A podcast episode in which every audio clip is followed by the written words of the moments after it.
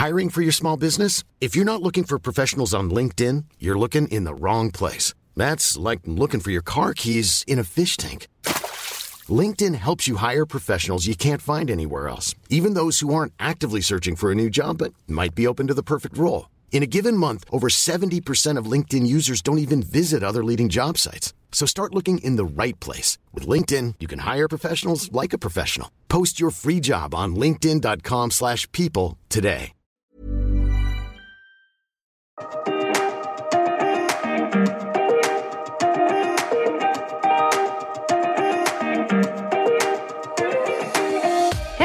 Och välkomna till Succé dig själv. Podden där vi träffar människor som är precis som du och jag, men som har drömt, vågat och vunnit. Varje historia är unik och inspirerar dig till att våga succé dig själv. Så häng med på vårt möte. Vad säger du Fille? Pia, nu kör vi!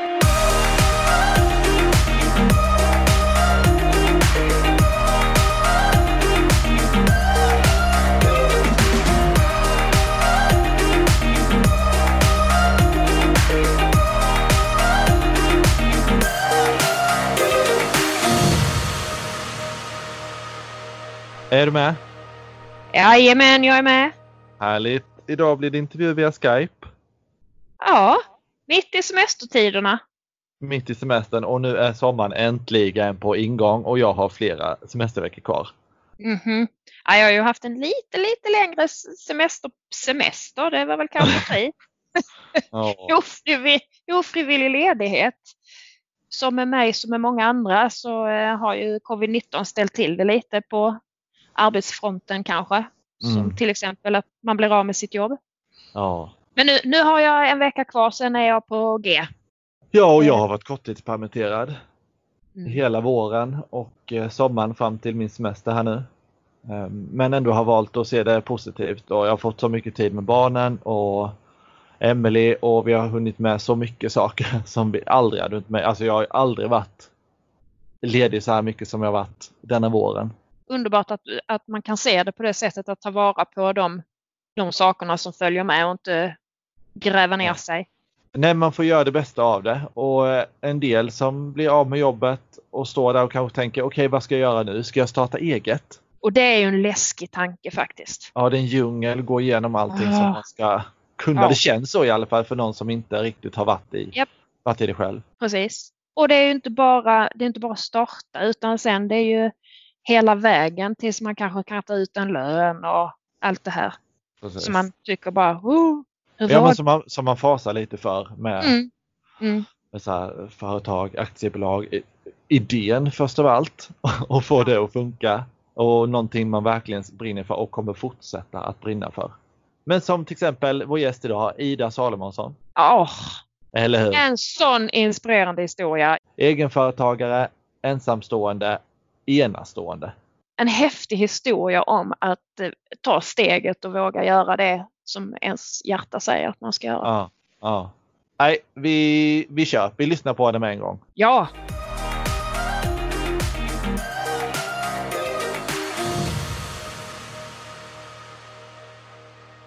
Men när man börjar tänka på allt som har hänt och alla utbildningar man har gjort och allt, då blir det rätt mycket.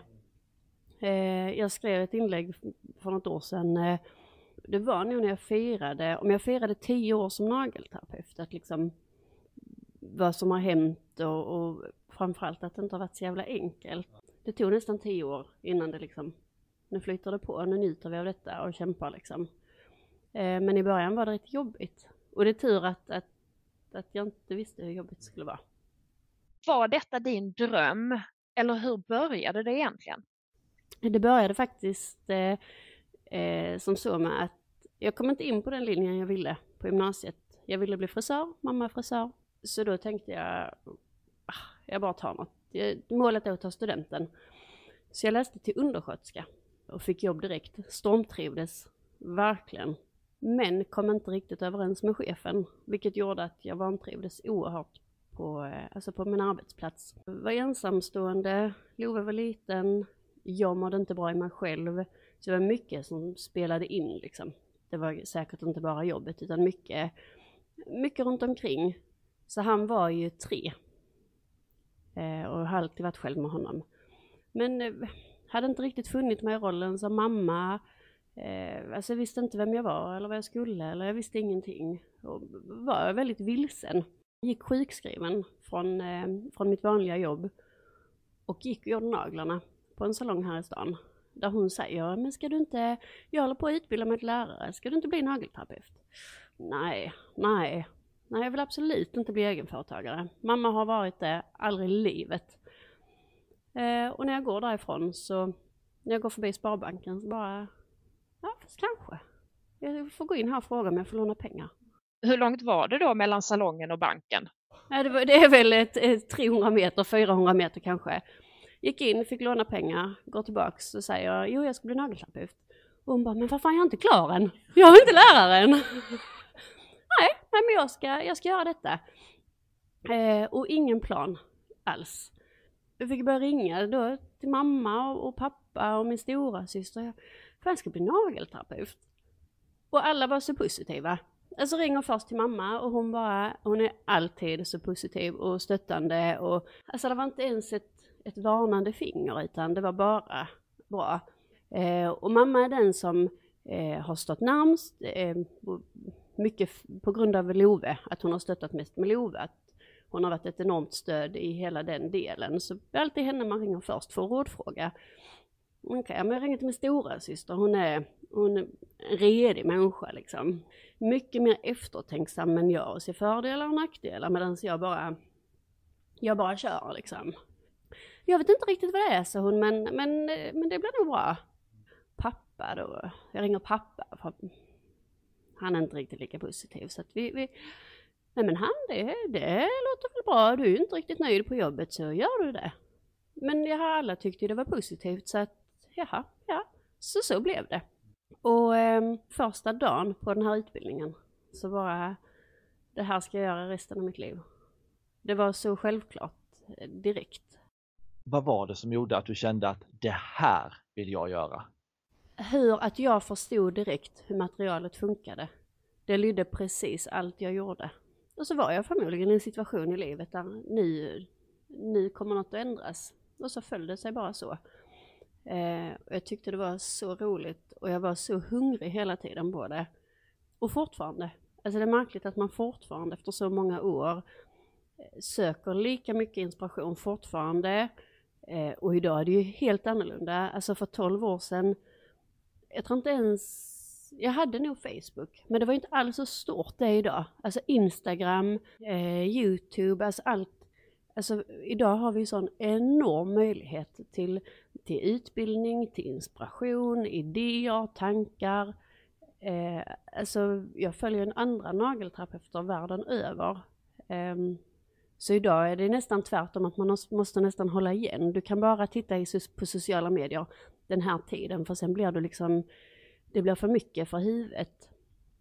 Men eh, intresset liksom fanns direkt och jag var eh, hungrig direkt.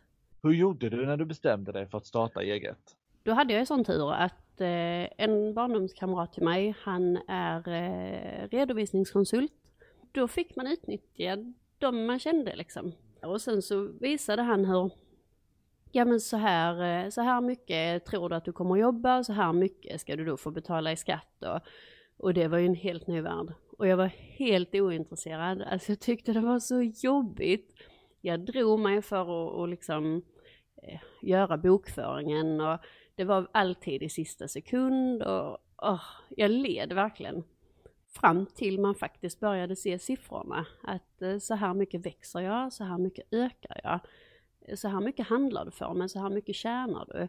Så här mycket lägger du på utbildningar och det har genererat så här mycket pengar. Så nu är det ju roligt liksom varje år när vi deklarerar så bara, hur mycket har ökat, hur mycket har ökat?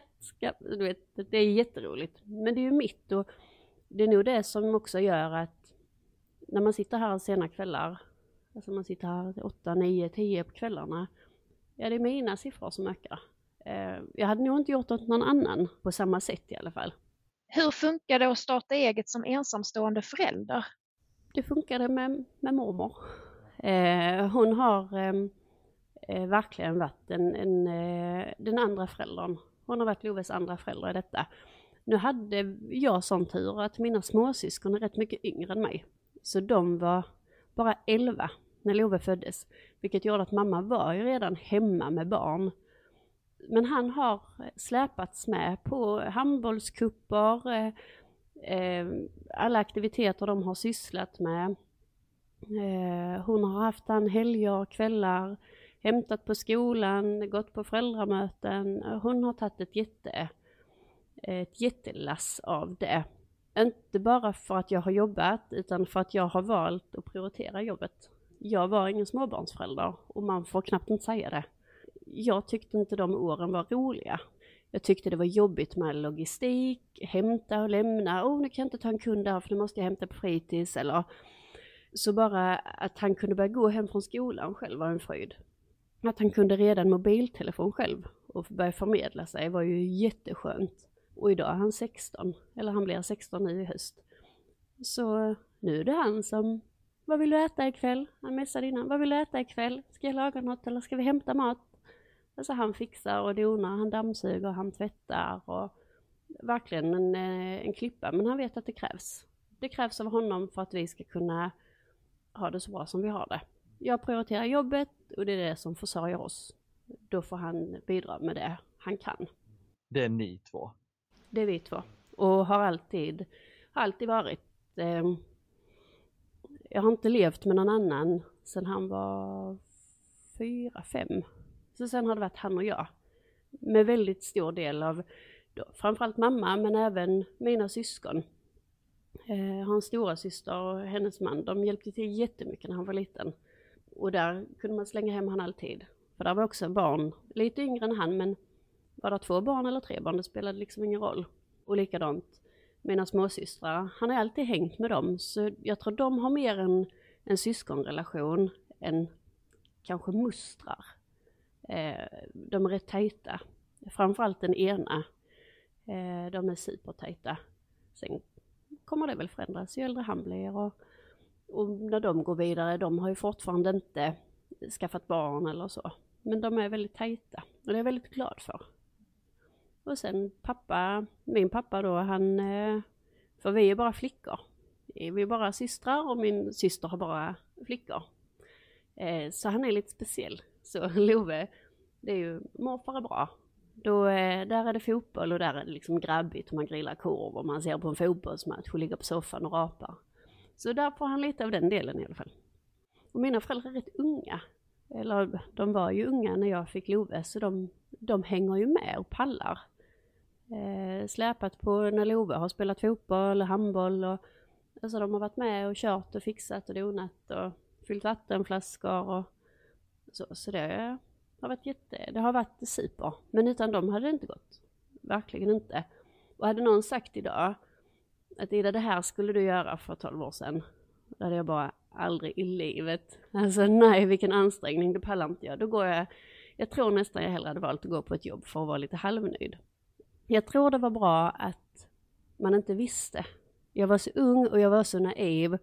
Och det, sådana här saker gör jag. Jag bara kastar mig in i det eh, utan att tänka mig riktigt för. Alltså idag skulle jag, hade det varit Love som hade sagt liksom, åh det här vill jag göra, mm, vi kanske ska väga lite för och nackdelar eller eh, så. Men eh, jag är inte sån själv, utan jag fattar bara beslut och så kör vi. Och så, det blir ju bra. Så att... Har du alltid haft din egna salong? Eh, nu har jag haft denna salongen i fem år, mitt alldeles egna. Eh, och innan det så har jag varit inhyrd på andra eh, salonger jag var först en liten vända, bara ett par veckor, precis när jag var färdigutbildad, på min mammas salong nere i Åhus. Och hade ju som sagt var ingen plan. Ja, nu är jag nagelterapeut, nu får vi se vad det här, vad som händer liksom. Då fick jag möjlighet att börja jobba på det stället där jag hade utbildat mig. Och det var ju en jättefördel. Hon var satt på så enormt mycket kunskap, eh, var jättekunnig, jag hade tillgång till allt, allt material, så det verkligen var en, en skjuts i, plus att det var ett inarbetat namn. Jag personligen var ju inte någon, men jag fick ju mig mitt första namn där. Eh, att, ja men det är ju Ida på den salongen och den salongen var jättevälkänd. Så att det hjälpte mig en bra bit. Man hade inte den här fasta kundkretsen, man drog inte in jättemycket pengar. Eh, och jag eh, hade betalade för mig då rätt mycket hyra där. Så det var lite tradigt. Jag fick jobba extra rätt mycket för att liksom överhuvudtaget få mitt privata till att gå runt. Och pengarna jag tjänade på naglarna gick bara till det liksom. Det var absolut ingen lönsamhet. Och det vet man om när man börjar, att de första åren, då, eh, du tjänar ingenting på detta. Du, du får vara glad om du kan plocka ut lite grann. Och efter ett par år kanske du i alla fall kan ta ut lite lön. Men det är tufft.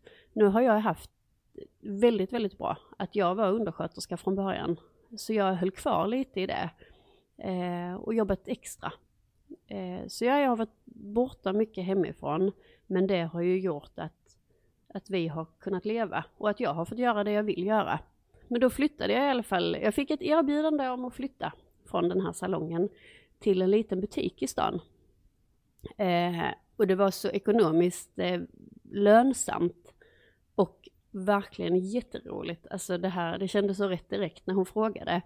Och likadant där, jag tackar ja, vi tänker inte, vi bara tackar ja, vi bara gör detta. Så i den butiken eh, jobbade jag, det var en väldigt nischad butik inom skönhet och så. Och där satt jag och gjorde naglar. Och det var fantastiskt roligt. Inte bara yrkesmässigt utan även privat. Och sen av olika anledningar så åkte jag ut därifrån.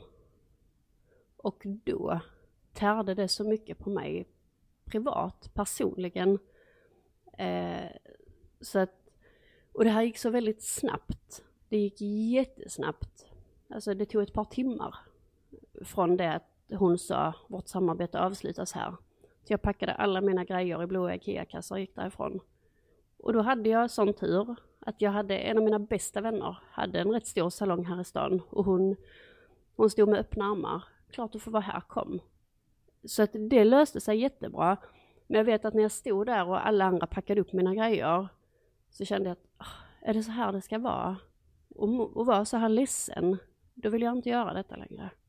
I efterhand, det hade ju inget med jobbet att göra. Det var ju vår privata relation, men det tog så hårt. Och fortfarande, alltså när, vi, när jag pratar om det så blir jag, alltså så blir lite svettig. Jag kan komma ihåg hur det här samtalet var. Alltså jag kan komma ihåg liksom när jag ringde till mamma och berättade vad som hade hänt. Nej men hur dåligt jag mådde.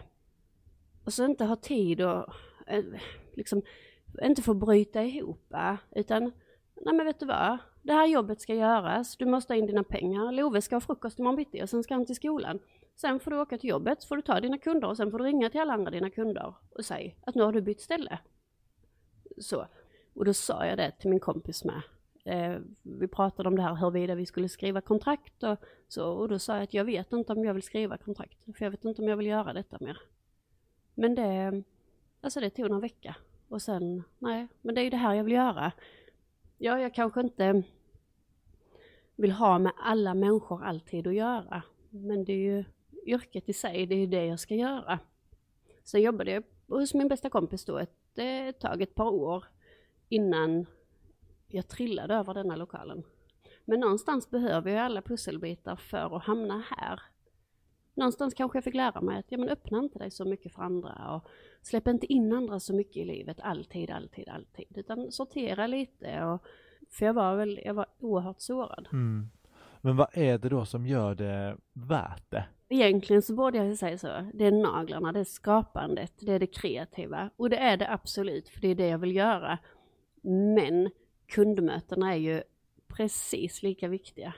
Alltså sitta här och göra naglar och inte prata med någon. Då, då hade det inte gått. Jag hade inte...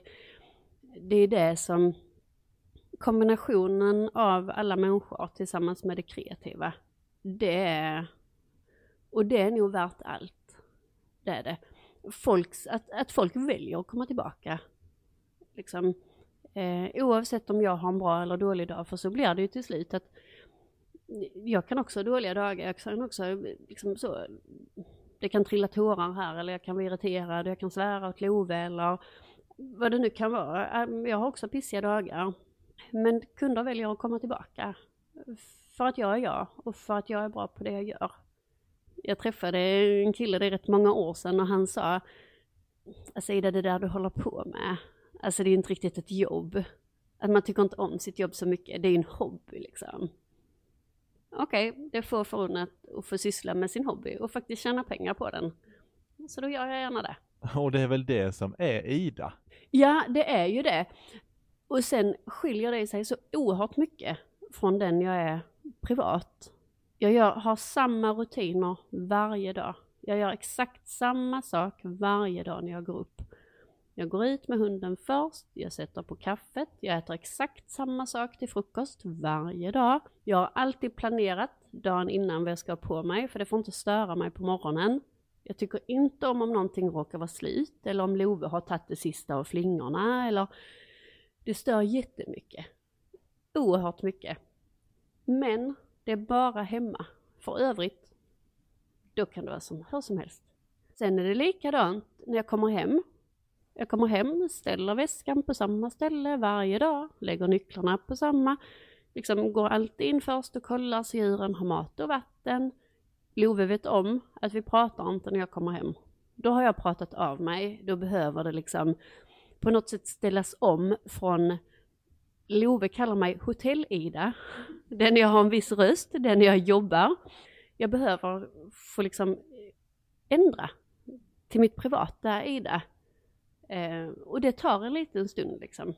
Eh, sen så, sättet jag har levt på, sättet jag har arbetat på, eh, det kan jag reflektera över idag. Det har gjort att jag har prioriterat bort väldigt mycket. Framförallt mitt privatliv. För det har varit eh, jobbet och jag har jobbat för att Love ska ha det bra. Så det hör ju någonstans ihop. Det är inte så att jag har prioriterat bort Love. Utan jag har prioriterat jobbet för att vi ska kunna ha det vi har och leva på det sättet vi lever. Men på bekostnad av att eh, mina privata relationer eh, har blivit, eh, jag ska inte säga lidande, men det har inte varit en prioritet. Eh, mina vänner, de är få, men de har ju stannat. De har ju, det är så här jag är, de är ju där. Men jag har inte, jag har inte gett mig utrymme Eh, till exempel att träffa en partner samtidigt som jag inte har varit redo för det. För att det här har varit en så stor del av mig och en så stor del av min utveckling. För att hitta, hitta mig själv och hitta hem och, och det här vill jag. Ehm, och så här vill jag leva. Alltså oavsett vilket så kommer jag alltid leva så här. Mitt jobb kommer alltid vara en prioritet. Och vilket gör att, ja sen kommer Love och skulle jag träffa en partner kommer han ju rätt lite på efterkälken. Och det tror jag inte många vill. Och det hade inte jag heller velat. Jag hade inte velat vara någons prio 8. Och där kan man ju väga för och nackdelar, men det är en av de sakerna som jag faktiskt genuint kan vara ledsen över. Att inte att oh, jag har prioriterat jobbet och därför är jag singel. Men jag vet att jag har prioriterat jobbet så pass mycket så att andra bitar har fått stå åt sidan. Sen tar ju det här inte slut, utan för jag jobbar ju inte bara med detta utan jag kan hitta andra jobb. Och, och hade inte jag funnits så hade det inte varit så hög arbetslöshet heller. För att jag tar alla jobb jag kommer över. Eh, och det har ju, för även om jag kan försörja mig på, på, på min salong så väljer jag att ha fler, alltså att jobba med annat också. Dels för att jag tycker om att jobba. Och det har ju gjort att Love och jag har levt bra. Han har fått sina semestrar, alltså, vi har åkt till Thailand, vi har åkt till Turkiet, vi har åkt till Spanien. För att han har kunnat sköta sig så mycket själv så jag har kunnat jobba i princip så mycket jag har velat och så mycket jag har orkat. Idag inser jag kanske att det är lite mer, för, från början var det självklart en ekonomisk trygghet att få in en lön från andra ställen. Det är självklart en trygghet idag med, men det är inte det viktiga. Det är klart att det är roligt att få extra pengar, men jag inser nog att det är en flykt från något annat. Jag jobbar för då slipper jag behöva tänka på att jag är lite ensam jag vet liksom när jag skulle, ja men jag ska inte jobba så mycket helger längre. Nu ska jag följa med Love på fotbollsmatcher. Så säger jag till Love, ja jag tänkte åka med på lördag när du ska spela fotboll. Mm, jag tänkte åka med lagbussen. Jaha, men då, jag kan åka och kolla. Ja, men det behövs inte, det blir nog blåsigt mamma. Du, du fryser ju alltid. Du kanske kan vara hemma och vila lite. Jaha. Så när jag kände att nu har jag ron och, och liksom, nu ska jag vara mamma. Då behövdes inte det riktigt. Så att, nej. Men det var synd att vila. Så då, eh, då köpte jag en hund istället. så att den här rastlösheten finns ju i mig och den, nu lever jag med den. Det hade nog varit väldigt tomt utan den. För jag är ensam. Väldigt ensam. Um, folk frågar mig liksom, tycker du tråkigt, alltså lider du av att vara ensam? Verkligen inte, för jag är själv ett fantastiskt sällskap. Jag har väldigt roligt med mig själv, åker lätt på semester med mig själv, eh, kan åka iväg en weekend och vara med mig själv, för jag trivs oerhört bra med det. Men för ett par år sedan blev pappa sjuk, eh, mamma har rätt nyligen varit sjuk, då är det jobbigt för jag har ingen vuxen människa hos mig och prata med. Eh, och Love är fortfarande, även om, även om vi säkert har en oerhört bra vänskapsrelation, så är han inte vuxen och jag kan inte alltså, ventilera mitt innersta. Framförallt inte när det gäller eh, kanske då sjukdom och, och liksom allvarliga saker. Där är ju faktiskt min roll som mamma så mycket viktigare. Där får ju min, min egen roll i mitt personliga får ju stå åt sidan för han är ju det viktiga där. Eh, och de gångerna har jag känt mig oerhört ensam. Eh, och då blir det så påtagligt. När mår du som allra bäst? Jag mår som allra bäst när jag får jobba på min salong. När jag vet att kalendern är fullbokad och, eh, och det här låter fånigt men varje kväll när jag går och lägger mig så kollar jag, oh, hur ser morgondagen ut? Och jag vet vilka som kommer. oh, då ska vi börja med det och sen kommer hon och så. Det gör, när jag kollar på mina dagar så, oh vad ska jag göra imorgon torsdag? Så ser jag alltid fram emot det. Och det är fantastiskt skönt. Eh, att eh, ah, och så är det, åh oh, det är fullbokat. Ska jobba länge. Jag börjar tidigt, jobbar länge. Knappt så jag inte hinner att lunch folk har säkert åsikter om det. Att man går upp för mycket i sitt jobb. Men gör inte det själv om du inte trivs med det. Och sen, nu har jag ju valt att jobba ensam. Eh, jag vill inte ha några kollegor. Har haft. Och för mig personligen så tar det så oerhört mycket energi eh, jobba med andra människor. För jag vet ju om att min arbetsmoral är extrem. Jag har jobbat med detta i 12 år, jag har varit sjuk tre gånger Eh, då har jag väl blivit opererad. Alltså det har verkligen varit så här. Och det, eh, jag kan, det har säkert väldigt mycket att göra med, med min bransch också. Att man, för vi hör ju ihop eh, naglar, hår, fransar, så. Det är väldigt mycket yngre tjejer, folk tror att det är så oerhört glamoröst. Och absolut, eh, visst är det glamoröst. Jag gör naglar på mig själv precis när jag önskar. Eh, alltså jag lever i världen där man får sminka sig obehindrat. Eh, jag kan spraytanna mig precis när jag vill och, och liksom, det är klart att det är glamoröst. Jag förstår att jag använder lyxvaror som inte andra, som många andra inte använder liksom. Men det är inte så att jag gjorde naglar eh, liksom mellan nio och fyra eh, för att komma hit. Det har varit sena kvällar, tidiga morgnar, helger och till en början så får du ta kunder när de vill komma. Vill de komma elva på kvällen då tar du dem då. För att det är så du får dem till att vilja komma tillbaka. Folk frågar mig ibland, ja, ja är det inte tråkigt utan kollegor? Nej, verksamheten bygger ju på att jag ska ha kunder. Så det är inte så att jag sitter här själv. Självklart kan jag, du vet så, när en kund går ut och man bara, oh, 20 minuter till nästa jag kan visst låsa dörren, lägga mig på soffan en stund och bara, oh, gud jag behöver vara själv lite. Eller eh, gå upp på torget, köpa en glass eller så. Men bara att få vara med sig själv lite. När man hela, hela tiden är, liksom, man försöker verkligen vara sitt bästa jag. Jag är verkligen inte det alla dagar. Men man försöker och man försöker ge av sig själv och man försöker bemöta alla så som de vill bli bemötta det tar oerhört mycket av en. Mm. Men när du var yngre, hur tänkte du då? När jag var ung, eh, nej. Men jag har aldrig tänkt framåt. Alltså inte, inte, inte på det viset, inte att jag har haft liksom visioner och ambitioner.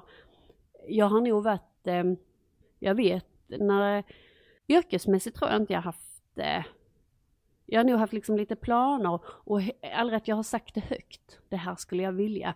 För jag hade varit så enormt rädd för att misslyckas. Så att jag håller det nog inom mig själv. Vilket kanske är dumt, för egentligen borde man säga december 2020. Här ska jag vara då.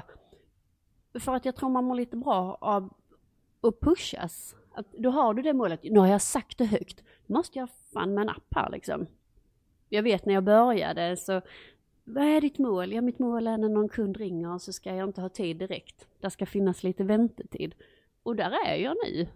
Men jag vet inte vad nästa är eller, och det är inte så att, oh jag ska tjäna så här mycket eller jag ska utbilda så här många eller, jag har inget sånt inte mer än att jag vill mer. Jag vill hela tiden mer. Framåt, uppåt. Du måste vilja framåt, uppåt. För sen så, eh, sen samtidigt som, som jag är sån, framåt, uppåt, nu kör vi på. Så tro mig, det finns ju de stunderna då de 20 minuterna här utan kund, det har inte varit på soffan. Det har varit ringa och storgråta.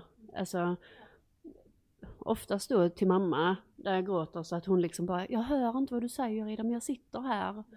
Då liksom, då, det har ju aldrig med jobbet att göra, men då är det privata livet någonstans och måste få lite andrum. Eh, och då blir det de korta stunderna, eller i bilen. Jag vet inte hur många gånger jag har ringt mamma när jag sitter i bilen och tårarna bara rinner liksom. För att jag är trött, alltså jag är så trött, jag orkar inte mer när jag pallar inte. Jag, så att man må, jag måste bara få det ur mig liksom. Jag menar även om, om mamma är, hon har verkligen, hade jag inte haft henne då hade det hade inte varit i närheten här liksom. När du nu reflekterar över de senaste 12 åren, hur tänker du då? Det som jag tror har varit väldigt som en röd tråd genom allt i mitt, det är att fatta beslut bara ett andetag. Tänk inte efter, känn inte efter, bara säg rakt ut klart du ska gå på magkänsla, men ibland ska du inte låta det gå, alltså eh, för även det kan ju faktiskt ta sin lilla tid. Oh, ja men man ska lita på sin magkänsla. Det kan ta ett par minuter, det kan ta dagar, att man ska gå och grunna på det. Ibland ska man inte göra det. Ibland ska man bara göra ditt andetag, liksom. Mina, mina största beslut eh, i livet, de är fattade så. Sen är det ju märkliga att det är de här stora besluten som faktiskt är rätt viktiga för livet eh, och, och som kan, alltså bara som att satsa här, det var ju faktiskt en, en ekonomisk fråga för mig själv. Alltså jag är ett rätt litet företag, så rätt sårbar. De fattar jag ett andetag. Däremot, ska vi äta torsk ikväll? Eller ska vi äta köttbullar? Det kan vi, den kan ju gro i en timme för fan. Man är ju så hungrig som man äter på köksluckorna till slut liksom, för att det beslutet kan du inte fatta. Öppna salong, det ska jag göra. Vad vi ska äta, det vet jag inte. Det är märkligt. Men det är på något sätt eh, de här betydelsefulla besluten tror jag bara du ska fatta på eh, i ett andetag. Vi säger ett stort tack till Ida. Vilken enastående historia. Ja, och glöm nu inte att det är på måndagar ni går in där ni lyssnar på poddar och spanar efter senaste avsnittet av Succé dig själv. Och har du en intressant historia eller känner någon som har det så mejla till oss Pia och Filip gmail.com Pia med P och Filip med F. Eller gå in på vår Facebook-sida på Succé dig själv och lämna ett meddelande där. Tack för att du lyssnade. Tjingeling!